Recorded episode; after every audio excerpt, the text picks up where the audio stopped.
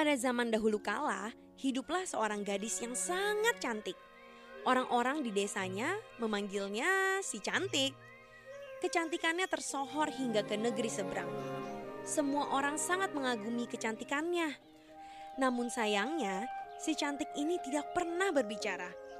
Ayah dan ibunya sangat sedih karena putri mereka tidak pernah bicara. Suamiku, aku sungguh khawatir dan sedih melihat putri kita. Bagaimana mungkin tak pernah sepatah kata pun keluar dari mulutnya? Aku juga merasa sedih istriku.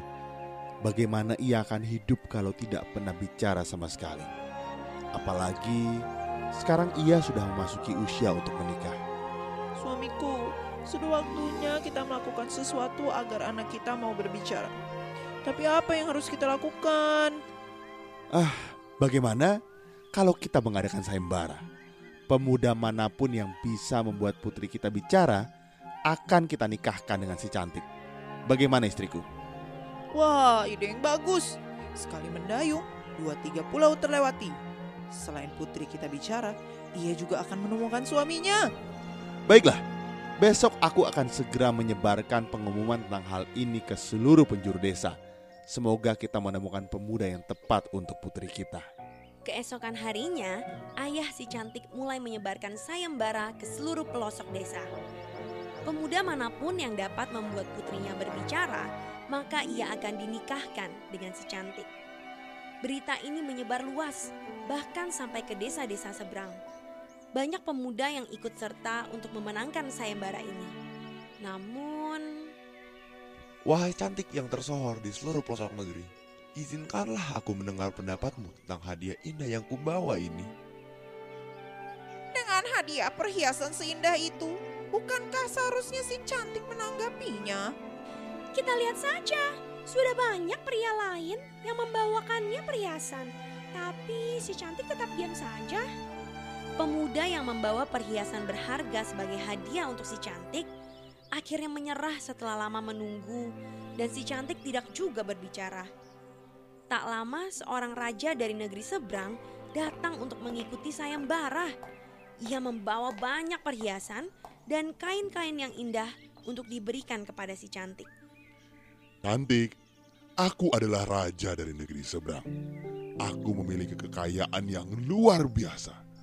Apa saja yang kau minta, pasti bisa kuberikan. Hadiah yang kubawa ini hanyalah hadiah kecil dibandingkan dengan apa yang bisa kuberikan padamu. Jadi, jadi cantik, apakah kau mau menjadi istriku? Wah, lihat betapa indah hadiah yang dibawa sang raja. Harusnya ini menjadi kesempatan yang baik untuk si cantik mendapatkan semua hadiah itu. Ya, harusnya ia terima saja semua hadiah indah itu. Ia akan menjadi wanita yang kaya raya bila menikah dengan sang raja. Sayangnya si cantik masih saja diam seribu bahasa.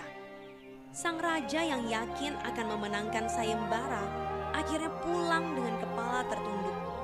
Ia merasa malu karena tidak mendapat perhatian si cantik. Ayah dan ibu si cantik mulai khawatir. Mereka putus asa karena sudah banyak orang yang mencoba membuat si cantik bicara, namun semuanya gagal. Akhirnya, datanglah seorang pemuda yang sangat tampan. Ia mendekati si cantik dan duduk diam di sampingnya. Orang-orang keheranan melihat tingkah laku pemuda itu. Apa yang dilakukan pemuda itu? Kenapa dia diam saja? Bukankah ini sayembara untuk membuat si cantik berbicara? Ya, aku pun bingung dengan pemuda itu. Pemuda yang lain datang dengan hadiah. Kenapa dia datang dan diam saja? Belum habis rasa bingung dan penasaran dari penduduk desa, sang pemuda tampan itu mulai membakar kain-kain indah di depan si cantik.